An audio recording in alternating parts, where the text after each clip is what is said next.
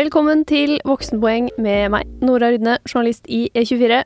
I forrige episode om fond så var vi innom det grunnleggende, og nå skal vi dykke litt dypere. For hvordan velger du hvor du setter pengene dine i et hav av fond? Hva skiller dem fra hverandre, og hvordan sjekker man hvor gode de egentlig er?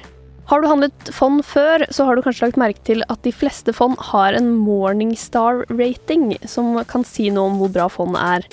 Morningstar er et analyseselskap som har enormt mye info om både fond og aksjer. Så til å fortelle mer om ratingen og hvordan man leser data om fond, så har vi fått med oss deg, administrerende direktør Kjetil Myhrvold i Morningstar Norge. Velkommen. Tusen takk. Vi kan jo egentlig bare gå litt rett på her. Ja. Eh, forvaltningsavgift var vi jo litt inne på i eh, forrige episode men jeg tenkte du kunne få forklare oss litt mer. Hvordan eh, sjekker man det? Ja, og da er det jo gjerne mm, det som heter løpende avgifter, som en da skal se på. For det er den eh, kostnaden da som inkluderer alle kostnadene som man forvalter har for å forvalte det, det, det fondet. Det inkluderer alt, da, egentlig unntatt transaksjonskostnadene og eventuelle resultatbaserte honorarer som ligger i, ligger i fondet. Ja, nettopp. Ja, for jeg har sett på det at uh, på de fondshandelssidene så står det gjerne bare forvaltningsavgift, men det er ikke det fulle bildet? Nei, det, ofte så kan det være at de to er like, men uh, hvis det skal være forskjell, så er det løpende avgifter som uh, på en måte er det høyeste tallet av de to, da. så det er jo det tallet som forhåpentligvis blir vist og brukt mest da, i, i løsningene ute som portaler har, og som forvaltningsselskapene viser ut mot, mot kundene. Okay. Um, og hvis man ikke finner det eller ikke ser det, så kan man også sjekke nøkkelinformasjonsdokumentet, det KID-dokumentet. Uh, det skal jo alltid være tilgjengelig mm. uh, i kjøpsøyeblikket, som, som det heter. Uh, ja, det så når man kjøper et fond, så, så skal det dokumentet være tilgjengelig.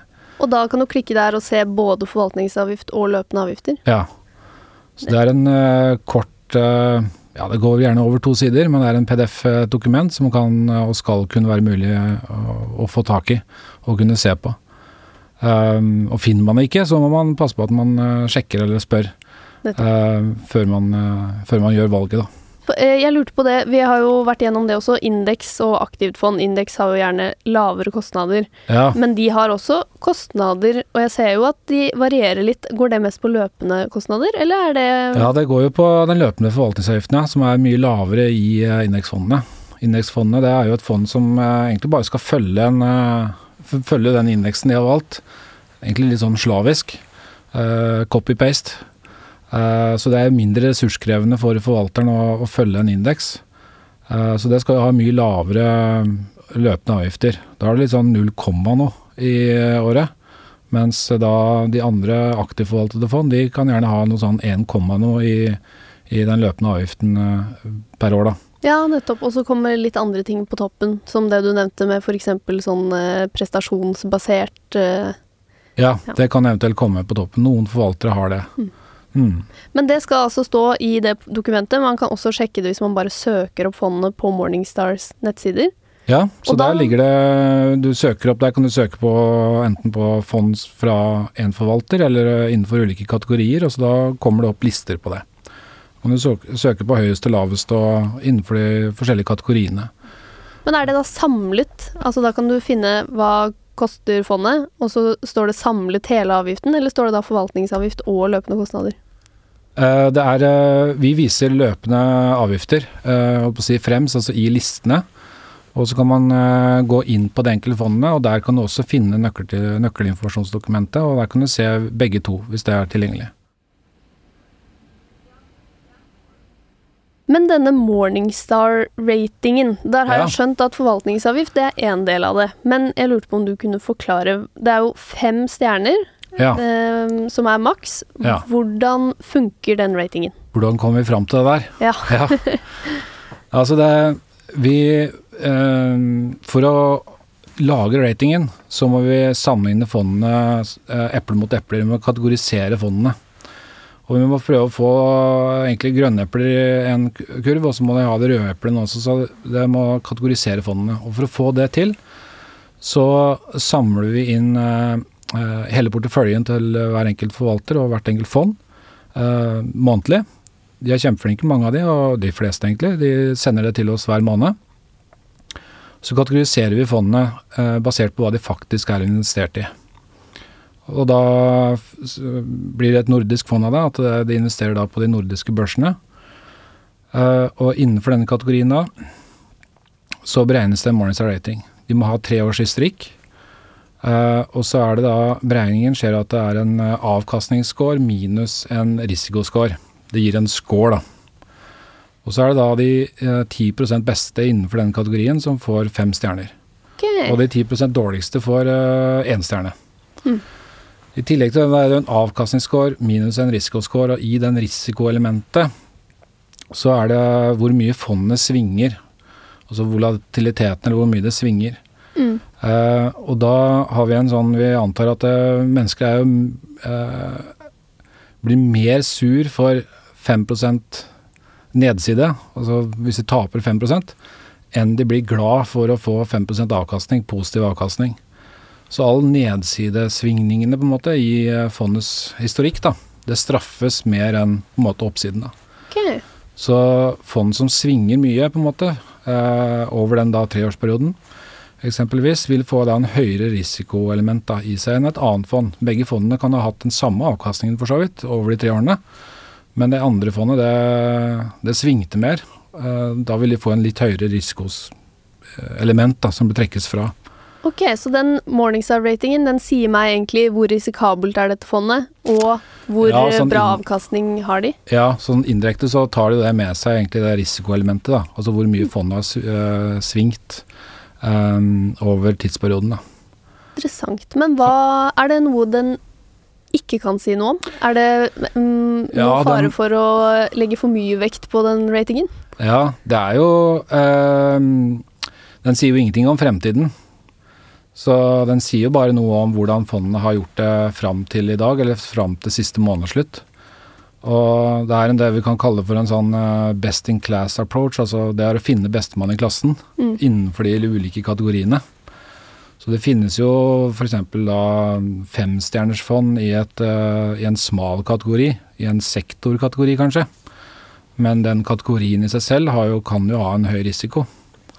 Um, sånn at Det er jo ikke sikkert du som investor skal ha det. Du Kanskje du skal ha et bredere globalt indeksfond istedenfor. Så det Morningstar ratingen vil jo da være på en måte ett av flere kriterier du kan bruke når du skal velge, velge fond. da. Har du noen andre kriterier du ville sett på da, enn eh, ratingen? For jeg merker jo at jeg ser veldig mye på den ratingen, fordi det er jo veldig enkelt. Ja, det er veldig enkelt. Um, men det vil kanskje Det spørs jo da om eh, andre kriterier som eh, hvor lenge forvalteren har vært i fondet og forvalta fondet, altså om den avkastningen som er der, kan, er fra den personen eller det teamet som har forvalta fondet. Mm. Så det er også data som ligger tilgjengelig på, på morningstar.no, altså på hjemmesidene våre. Um, så det kan være. Og det vi var inne på litt tidligere også, det med aktivfond, om det er aktiv- eller indeksfond. Så det kan jo være noe å se på. Fordi begge de to gruppene ligger jo i den samme kategorien. Så du kan jo se, lene et øye til det også. Så det er jo mange eh, datapunkter eller beslutningskriterier da, som kan eh, ligge til grunn for det endelige valget Ja. til slutt. Ja, fordi på indeksfond så ville jeg jo sett for meg at eh, svingningene ikke er så store, og at man kanskje har en jevnere rating, eller tar jeg feil da? Nei, det, de vil jo kunne ha en jevnere for så vidt på, eh, Ja, de vil jo kunne ha en jevnere avkastning. De vil jo følge indeksen mer sånn én til én. Mens en aktiv forvalter, han prøver jo å øh, mene noe om fremtidig avkastning, så han vekter seg opp eller ned i en aksje eller i en sektor eller region i forhold til den indeksen han sammenligner seg med. Og da vinner han jo noen ganger, og da kanskje det går øh, riktig vei og, og mye oppover. Og så taper han noen ganger, og så da går det kanskje mer ned da, enn indeksen. Mm. Så, en, så sånn sett kan jo aktive fond da gi noe mer svingninger enn et indeksfond. da. Så, Så. er det sånn Dere oppdaterer denne ratingen hver måned? Ja, den eh, blir oppdatert månedlig, så en sånn fem-seks børsdager da inn i ny måned, så ligger det oppdatert rating da for alle fondene. Ja. Som da har passert tre års eh, historikk, da. Men på indeksfond så kan jeg da kanskje litt mer stole på at hvis det, den har fem stjerner, så vil den fortsette å være et av de beste indeksfondene? Ja, ja du, du, eller det, er vanskelig å svare ja på det, da. Fordi at det, eh, det kommer litt an på hvordan Den sier jo egentlig ikke noe om hvordan eh, fremtiden blir, da. Nei. Uh, det eneste vi veit om fremtiden, er jo egentlig kostnadene i fondet. Uh, så det blir jo sånn når du starter på 100 meter. Mm. Det er noen da som starter litt lengre bak startlinja. Det er jo de aktive fondene. De må løpe litt fortere for å komme først i mål, da. Um, så det er jo da å lene et øye på den, da. Ja. Mm. Så du ville vært uh, mer nøyaktig i researchen din hvis du uh, hadde et aktivt fond? Ja, det å finne den beste forvalteren da, ja. Mm. Og det er jo det som er utfordrende. Det prøver man jo alle, eller mange, å gjøre. Og, og det kan jo være vanskelig. Men er kostnadene en del av den ratingen? Ja, den eh, årlige forvaltningsavgiften, den er jo med. Ja. Indirekte i, måte, i de daglige kursene som stilles fra forvalteren, så er jo den trukket fra, da. Så, så, så sånn sett så er jo den, eh, den med, ja. Ja, så hvis Mm. et dritdyrt aktivt fond eh, tjener like mye, eller får like høy avkastning, som et eh, litt billigere aktivt fond ja. gjør, så vil det litt billigere få en høyere rating, i, i teorien. Eh, ja. Hvis jeg var det det- eneste som skilte dem, da. Hvis det var, hvis det var, eh, hvis det, var det eneste, ja. Vi har en spalte her, Kjetil, som er eh, din kjepphest. Har du lyst til å dele din eh, fonds eh, research-kjepphest her?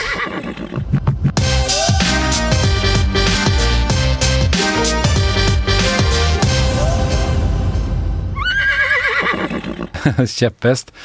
Ja, det må, det må vel kanskje være at eh, de som velger å spare i fond, at de eh, Og det er lurt. Spesielt månedssparing. Kjempelurt. Eh, men pass på kostnadene.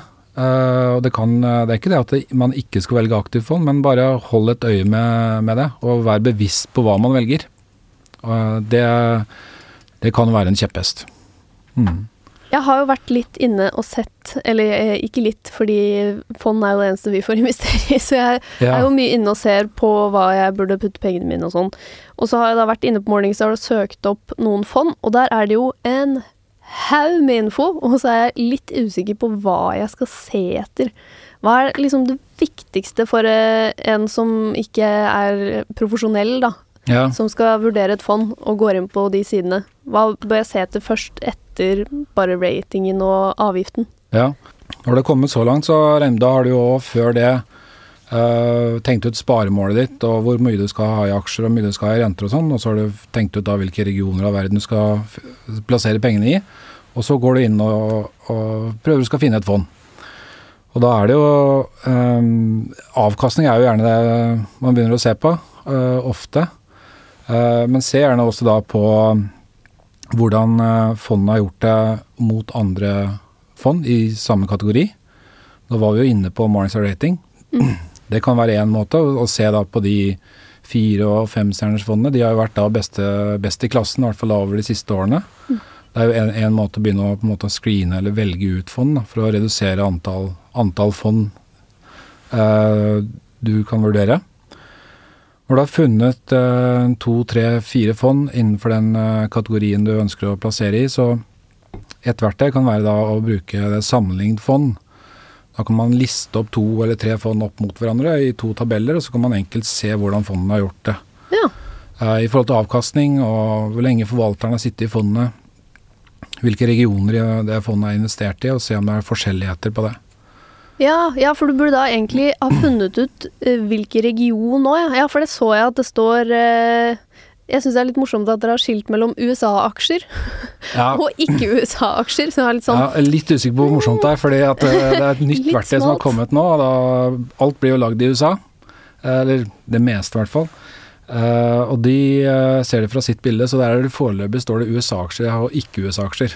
Så det håper vi får en annen type inndeling uh, nokså snart. At vi får tilbake igjen det vi hadde med, med Europa og eventuelt eh, i EU og utenfor EU, sånn som vi hadde tidligere, da. Men hvis du går litt dypere inn der, så kan du faktisk finne liksom hvilke land eller hvilke region. Ja da. Så det er litt lenger ned på siden så står det hvordan denne porteføljen er investert i i forhold til sektorer. Mm. Altså hvor mye som er innenfor industri eller eh, finans eller eh, offshore osv. Um, og hvilke regioner i verden eller land i verden dette fondet er investert i. Da. Og det er jo data som kommer da fra um, holdningsdata, eller uh, innholdet i porteføljen. da. Ja, nettopp. Ja, så, så av de to globale fondene man til slutt kanskje sitter igjen med, ja. så kan jo det være informasjon som er fin å se på. Da kan du også sammenligne der om det fondet har mer eller mindre i den angitte sektoren i forhold til snittet i kategorien. Så hvis du vil ligge veldig tett på snitt, så vil du prøve å finne fond som er, er det, da. I, I de listene som er der nede. Men avkastning, da. Hva, hva, ser man etter der? For det kan jo være litt Vi har jo vært inne på det, at det vektes mot risiko og alt det her. Men ja. så eh, finnes det jo mange eh, forskjellige typer å måle på. Eh, og det ser jeg jo både inne på liksom eh, fondstilbydernes side og på Morningstar.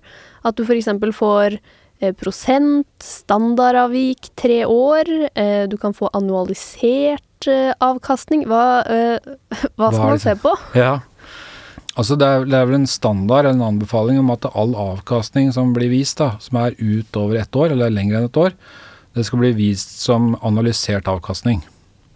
Um, kortere tidsperioder enn det, som sånn tre og seks måneder og sånt, det er gjerne da bare totalavkastning eller avkastning. Det blir jo startkurs uh, og sluttkursen mm. da etter seks måneder, og så bare prosentuell regning på endringen der. Men analysert avkastning, da, som viser på alt over uh, ett år, det er jo et slags årlig gjennomsnitt. Så for eksempel, men du uh, inkluderer den rentes renteeffekten i den formelen for, for analysert avkastning. Ja, så eh, hva fondet har fått på sin egen eh, rentes rente, rett og slett. Ja, over da f.eks. tre år, da. Mm. Så um, hvis det var et fond på eh, tre år, og så hadde det 10% avkastning hvert år, da, så eh, etter år én så er det 10% og så eh, år to da så får du jo eh, rentes renten på den igjen. Og den totalavkastningen der, den blir lik totalavkastning etter tre år, da. Ja. Mm. Så den annualiserte, hvis du skal gå lenger bak i tid, det er den dere baserer noe av ratingen deres på, og også noe jeg burde se på, eller? Ja, du burde se på den analyserte avkastningen når det, når det står imellom disse to globalfondene. Så burde du også se på den analyserte avkastningen og hvordan avkastningen har vært i forhold til f.eks. For indeks, som fondet sammenligner seg mot, eller mot eh, eh, gjennomsnittlig avkastning i kategorien som det fondet tilhører. Ja. Du ønsker jo å finne vinnerne. Mm. Så hvis du ser da på, på sidene våre at uh, under den fliken som heter historikk, der ligger da mye histori historiske data. Og Hvis du ser at fondet da ligger på minussiden der, at den alltid, eller den ikke klarer å uh, slå snitt i kategorien, så bør du kanskje gå videre og se om du finner et annet fond istedenfor. Du vil jo prøve å finne de da som kanskje ligger eh, over snitt, da. Ja, Så den historikk-tabben, den ja. er lur å klikke seg inn på? Den, når det har kommet så langt, så bør du klikke inn på den og se hvordan eh, den ser ut der. da. Hvordan avkastningen har vært, pluss minus i forhold til indeks. Det ja. står inne på siden der.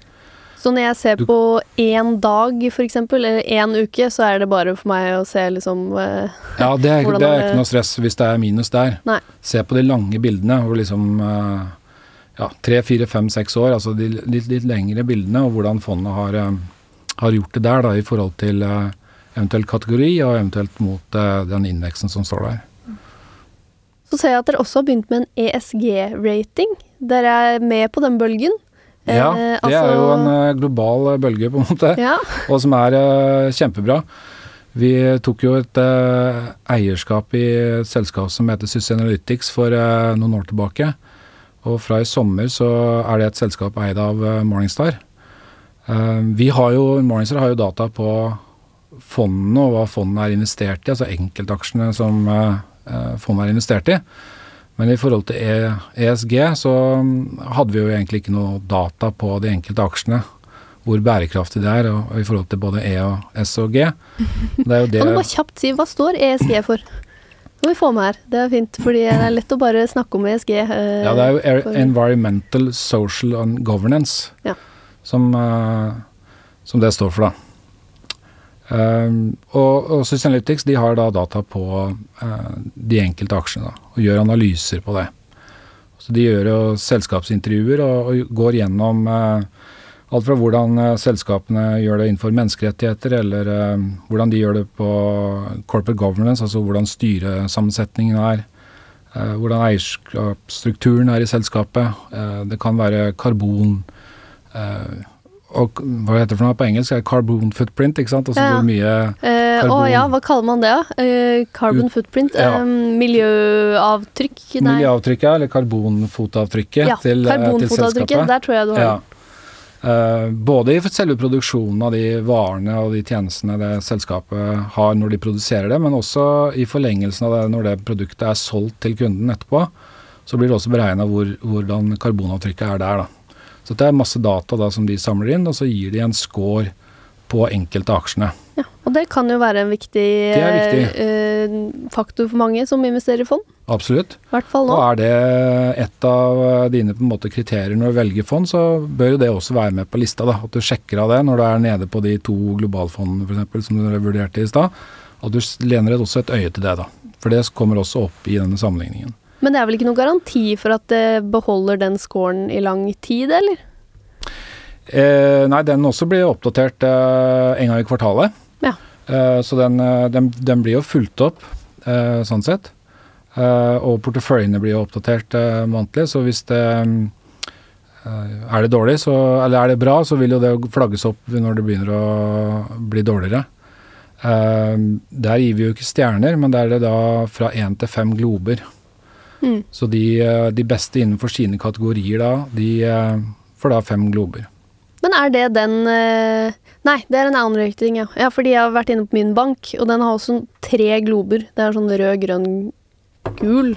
Men det er bare er de inne i et selskap som kan være Og så vet du ikke hvilken del av ESG Ja, det spørs hvilken Det kan jo være at, um, at de har et annet uh, Ja, graderingssystem. Da. ja for da er det veldig vanskelig å vite. Du har sett noen banker de bruker uh, kanskje lyskryss, uh, sånn rødt og gult og grønt, uh, Mm. klassifisering av porteføljer, eller noen bruker antall grønne blader og sånn. Så det er jo forskjellige konkurrerende systemer og, på en måte, da. Mm. Uh, så det, det vi bruker, da, er disse globene da, fra 1 til 5, da, som blir vist på fondene. Men da kan du også gå inn og se ganske detaljert hvorfor dere har gitt en sånn og sånn score.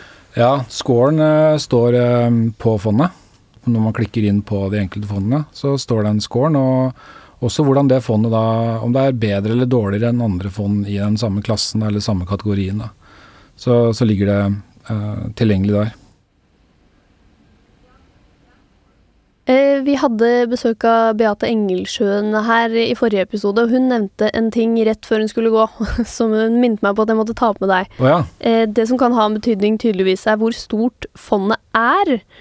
Og det eh, tenker jeg at eh, ja, det er jo eh, lett å sjekke hvor stort fondet er i hvor mye penger som står i fondet, men Ja. jeg aner jo ikke hva det betyr at dette fondet har fem milliarder eller to milliarder eller Altså Ja. hva, hva er egentlig et stort og lite fond, og hvorfor har det betydning? Ja, det Det er eh, ikke et sånt lett svar på. Men eh, Eller sånn enkelt, eh, for det, det varierer litt. Det er litt sånn avhengig av forskjellige ting. Men et fond som f.eks. investerer i, i nordiske småselskaper Det er jo de små, små selskaper som kanskje akkurat har kommet på børs, eller som er litt tidlig i livssyklusen sin, på en måte. Eh, de aksjene er jo ikke sikkert har så veldig høy likviditet, som det, heter. Altså de, Det er vanskelig å finne kjøpere og selgere på de hver eneste dag, hvert eneste sekund. Så hvis et fond som investerer i sånn type aksjer blir for stort, så klarer det jo ikke eh, på en måte å opprettholde den investeringsstrategien som den forvalteren har satt for det fondet. Nei, for de må putte pengene et sted, ja. De må putte pengene seg, så hvis de plutselig får en stor eh, ny kunde og, og skal plassere eh, si 100 millioner i markedet, så må de, de over en viss tid da eh, sette de pengene på en måte i arbeid. Og det kan jo da problem, eller det kan jo bli at det driver en kurs, eller at det kan påvirke markedet. da. Det er vel det man der er redd for. Og samme også andre veien. altså Hvis det er da høy innløsning av noen kunder, eller i, i et sånt fond, så kan det også være eh, kan det være potensielt en utfordring. Mens et, eh, et annet type fond, som er et sånn globalt large cap-fond, eller et fond som investerer globalt, og som investerer i store selskaper med høy likviditet, og så er jo ikke Da kan jo det fondet bli kjempestort, før det eventuelt blir et problem.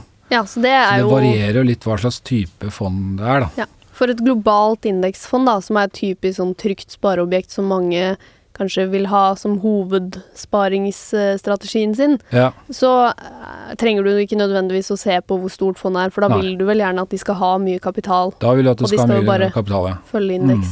Men Så det er mer det, hvis jeg går inn i et aktivt fond som jeg tenker her skal jeg her har jeg tro på forvalteren, eller her har jeg tro på markedet. ja. Da burde jeg se litt på Da burde du se litt på hvor stort fondet er.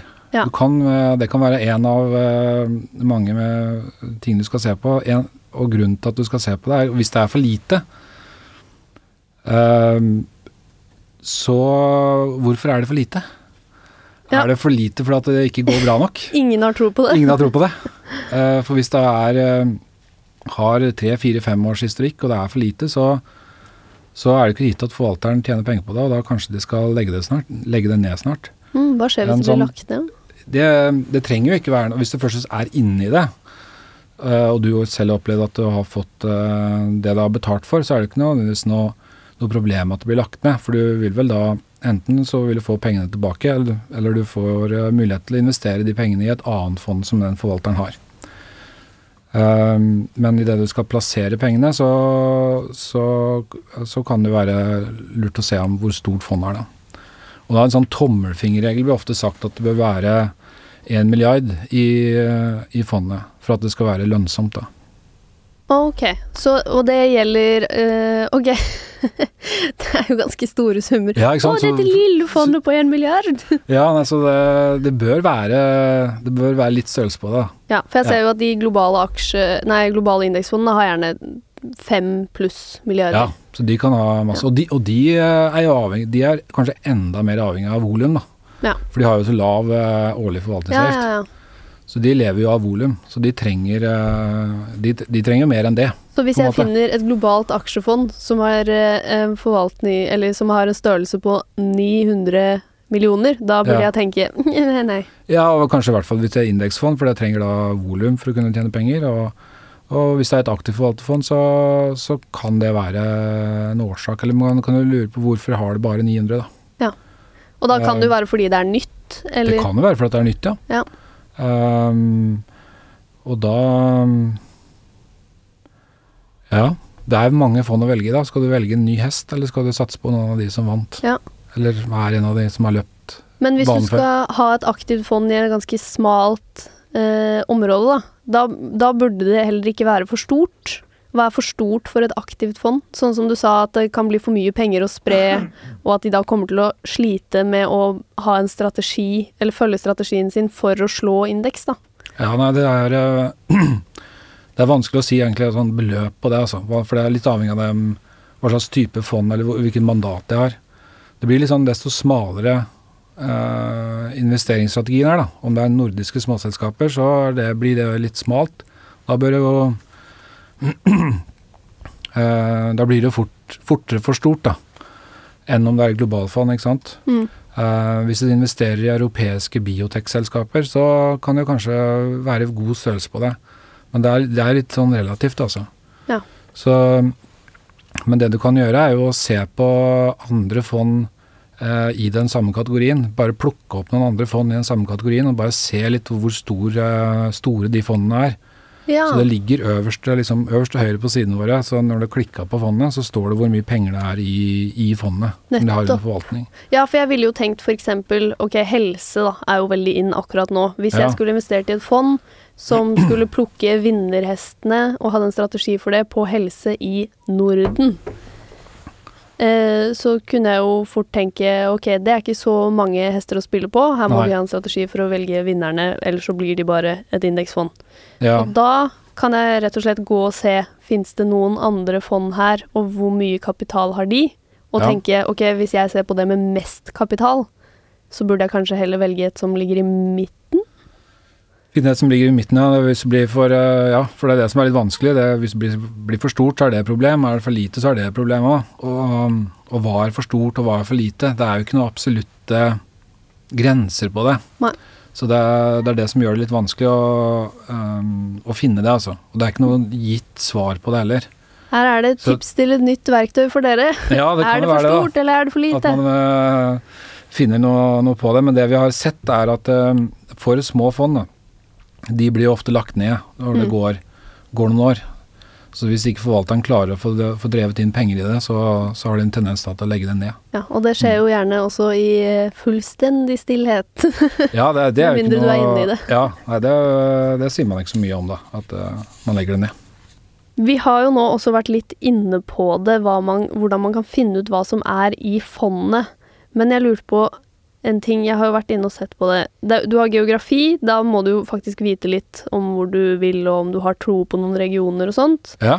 Eh, men så fins det et punkt der som, eh, der du kan se på en måte hvor eh, har de mest i aksjer, har de mest i aksjer her og der. Og så er det et punkt som heter kontanter. ja. Hva er det? Nei, kontanter kan være kontanter. Altså hvor Eh, mye de har som de ikke har investert? Ja, så når det Hvis du kommer med penger til forvalteren og investerer liksom eh, ditt beløp i dag, om det er 10 000 eller 100 000, altså de, de får ikke satt investert i, i aksjer med en gang. Sånn at eh, de vil jo ligge da som kontanter inntil de har fått kjøpt aksjer for de 10 000 kronene du kom med da, i dag. Eh, og alle fond vil ha ha en, eh, litt kontanter, fordi eh, du setter inn litt penger, og så er det en annen som tar litt ut i dag. Sånn at eh, de trenger å ha, si, ha litt veksel i kassa Ja. for å kunne gjøre de tradene der, og så være litt fleksible på det. da. Så de kan ha liksom fra 3, ja, 3 til 7-8-9 prosent. Det kan være helt vanlig å ha i et aksjefond da, som ligger som kontanter. Så det trenger jeg egentlig ikke å uh, være så oppmerksom på. Nei, det er ikke noe Det hadde jeg ikke vært noe stressa på. Nei, Med mindre det er sånn 5-6% der. 50 av det er kontanter. Ja, da, da er det noe muffens. Ja. Det, det, det bør det ikke være. Nei. For de skal jo ha mm, kanskje over 80 i hvert fall, er liksom investert i markedet. Ja, for ellers så får du rett og slett ikke så mye for pengene. Nei, da får du ikke det du betaler for, da. Hvis du, du skal jo ha et aksjefond, ikke et eh, kombinasjonsfond eller rentefond. Mm. Ja, og så er det da obligasjoner og litt sånt, og da kan du jo Det sier vel egentlig bare om noe om det er et kombinasjonsfond, om det er både aksjer og obligasjoner inni det. Ja. I de indeksfondene jeg har, i hvert fall, så har jeg ikke sett at det har vært noe særlig obligasjoner. Altså gjeld, rett og slett. ja, da har man jo gitt eh, Da har man jo lånt et selskap selskap Ja. penger, egentlig. Ja. Så det, eh, ja, det sier jo egentlig bare noe om det er et kombinasjonsfond eller ikke, da. Og eventuelt hvordan du vil ha vektet eh, obligasjons... Nei, eh, kombinasjonsfondet ditt, hvis det Ja. er det du vil ha. Ja. Og da er det jo ulike typer kombinasjonsfond, ja. Eh, så det, det er jo en mulighet. Hvis man ikke vil vekte på en måte selv hvor mye man skal ha i aksjer og hvor mye man skal ha i renter, så kan man jo velge å kjøpe et obligasjonsfond. Så gjør jo forvalteren den jobben for det, da. Er det noe annet du ville sett etter, da? Når du sjekker liksom innholdet i fondet? Jeg tror vi har vært inne på, inne på, det, på de viktigste områdene, altså. Mm. Men eh, jeg ville jo sjekka det med bærekraft. Og, og hvordan fondene eh, gjør det på bærekraft, og, og de globene at du finner der også kanskje de som har eh, lener seg over mot den bedre halvdelen da, av, av fondene innenfor den kategorien du har bestemt deg for å investere i. Men hva hvis du vil ha et skikkelig slemt fond, da? Hvis du har skikkelig tro på at uh, olja skal gjøre et mega-comeback? Ja, da, da Kan du bruke det da òg? Du kan jo for så vidt bruke det da, da. Da kan du velge rett. de med bare, bare én og to glober. For de har en tendens til at å Eller aksjer da, Ja, det vil jo påvirke globene i det fondet. Eh, om du har mye olje. Men Mm. kan man se alle aksjene fondet har òg? Er det tilgjengelig, eller er det bare dere som sitter på den dataen, og så sier dere de er inne i den og den og den og den ja, sektoren? altså den, eh, den eh, sektorvisningen som vi har, og regioner og sånn som vises på, på nettsidene våre, det baserer seg på hele porteføljen.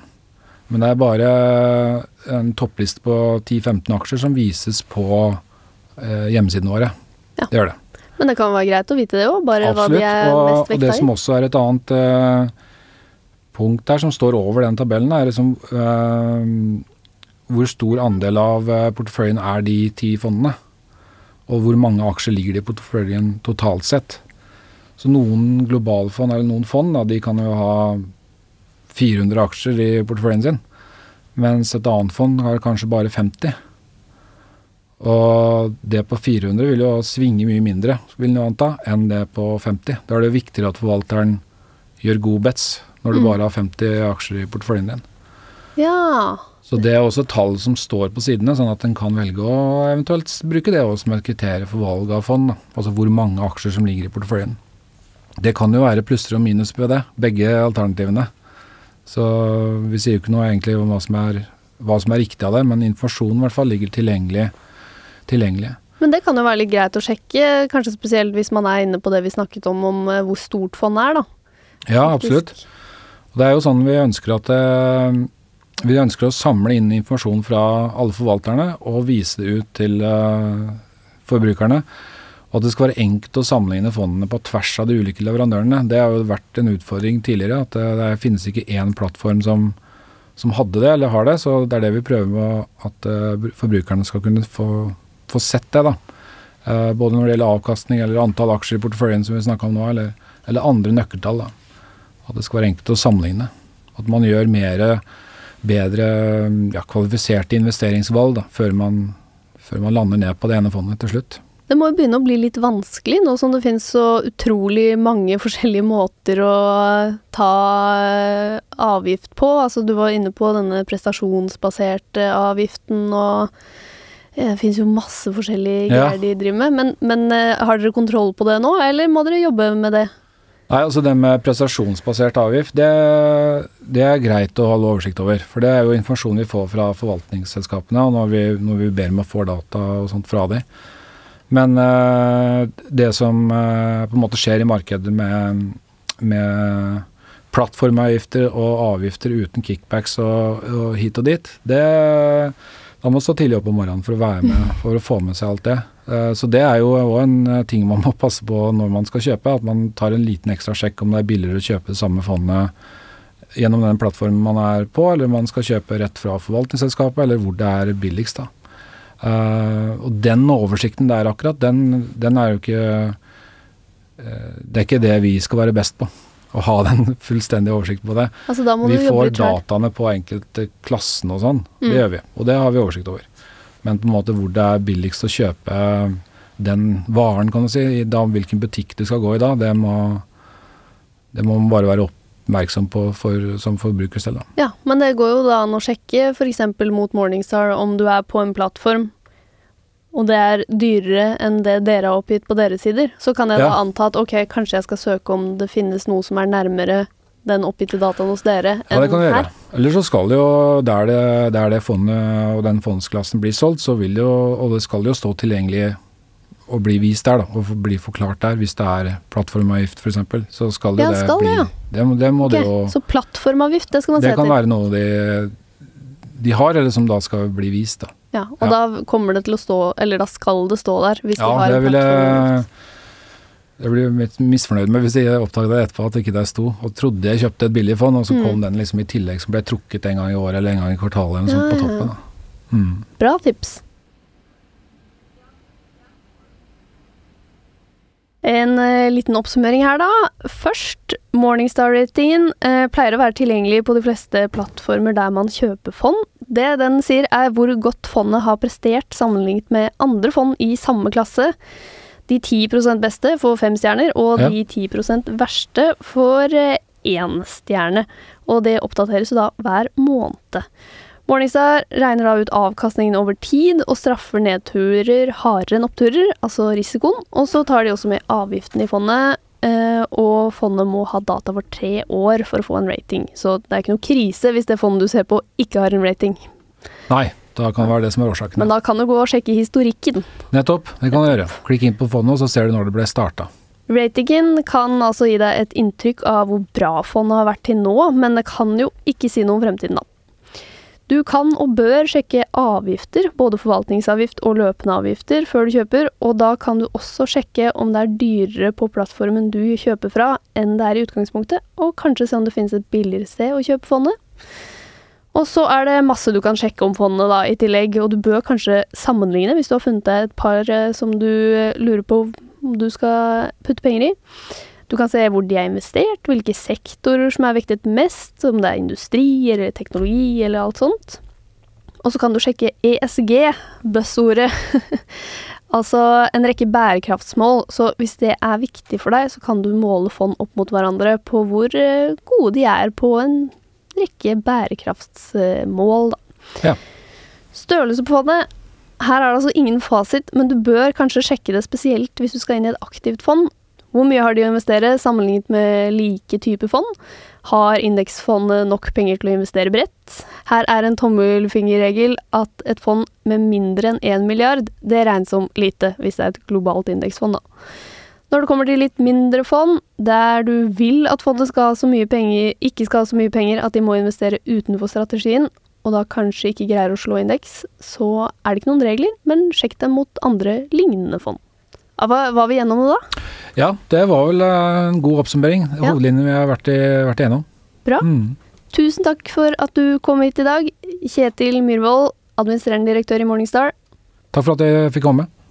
Produsent i dag, det var Ahmed Fawad Ashraf. Og hvis du vil eh, ja, høre kjepphesten til Kjetil igjen, f.eks., eller eh, få annet festlig stoff fra oss i Voksenpoeng, så må du gå og følge oss på Instagram. Der heter vi Voksenpoeng med Nora.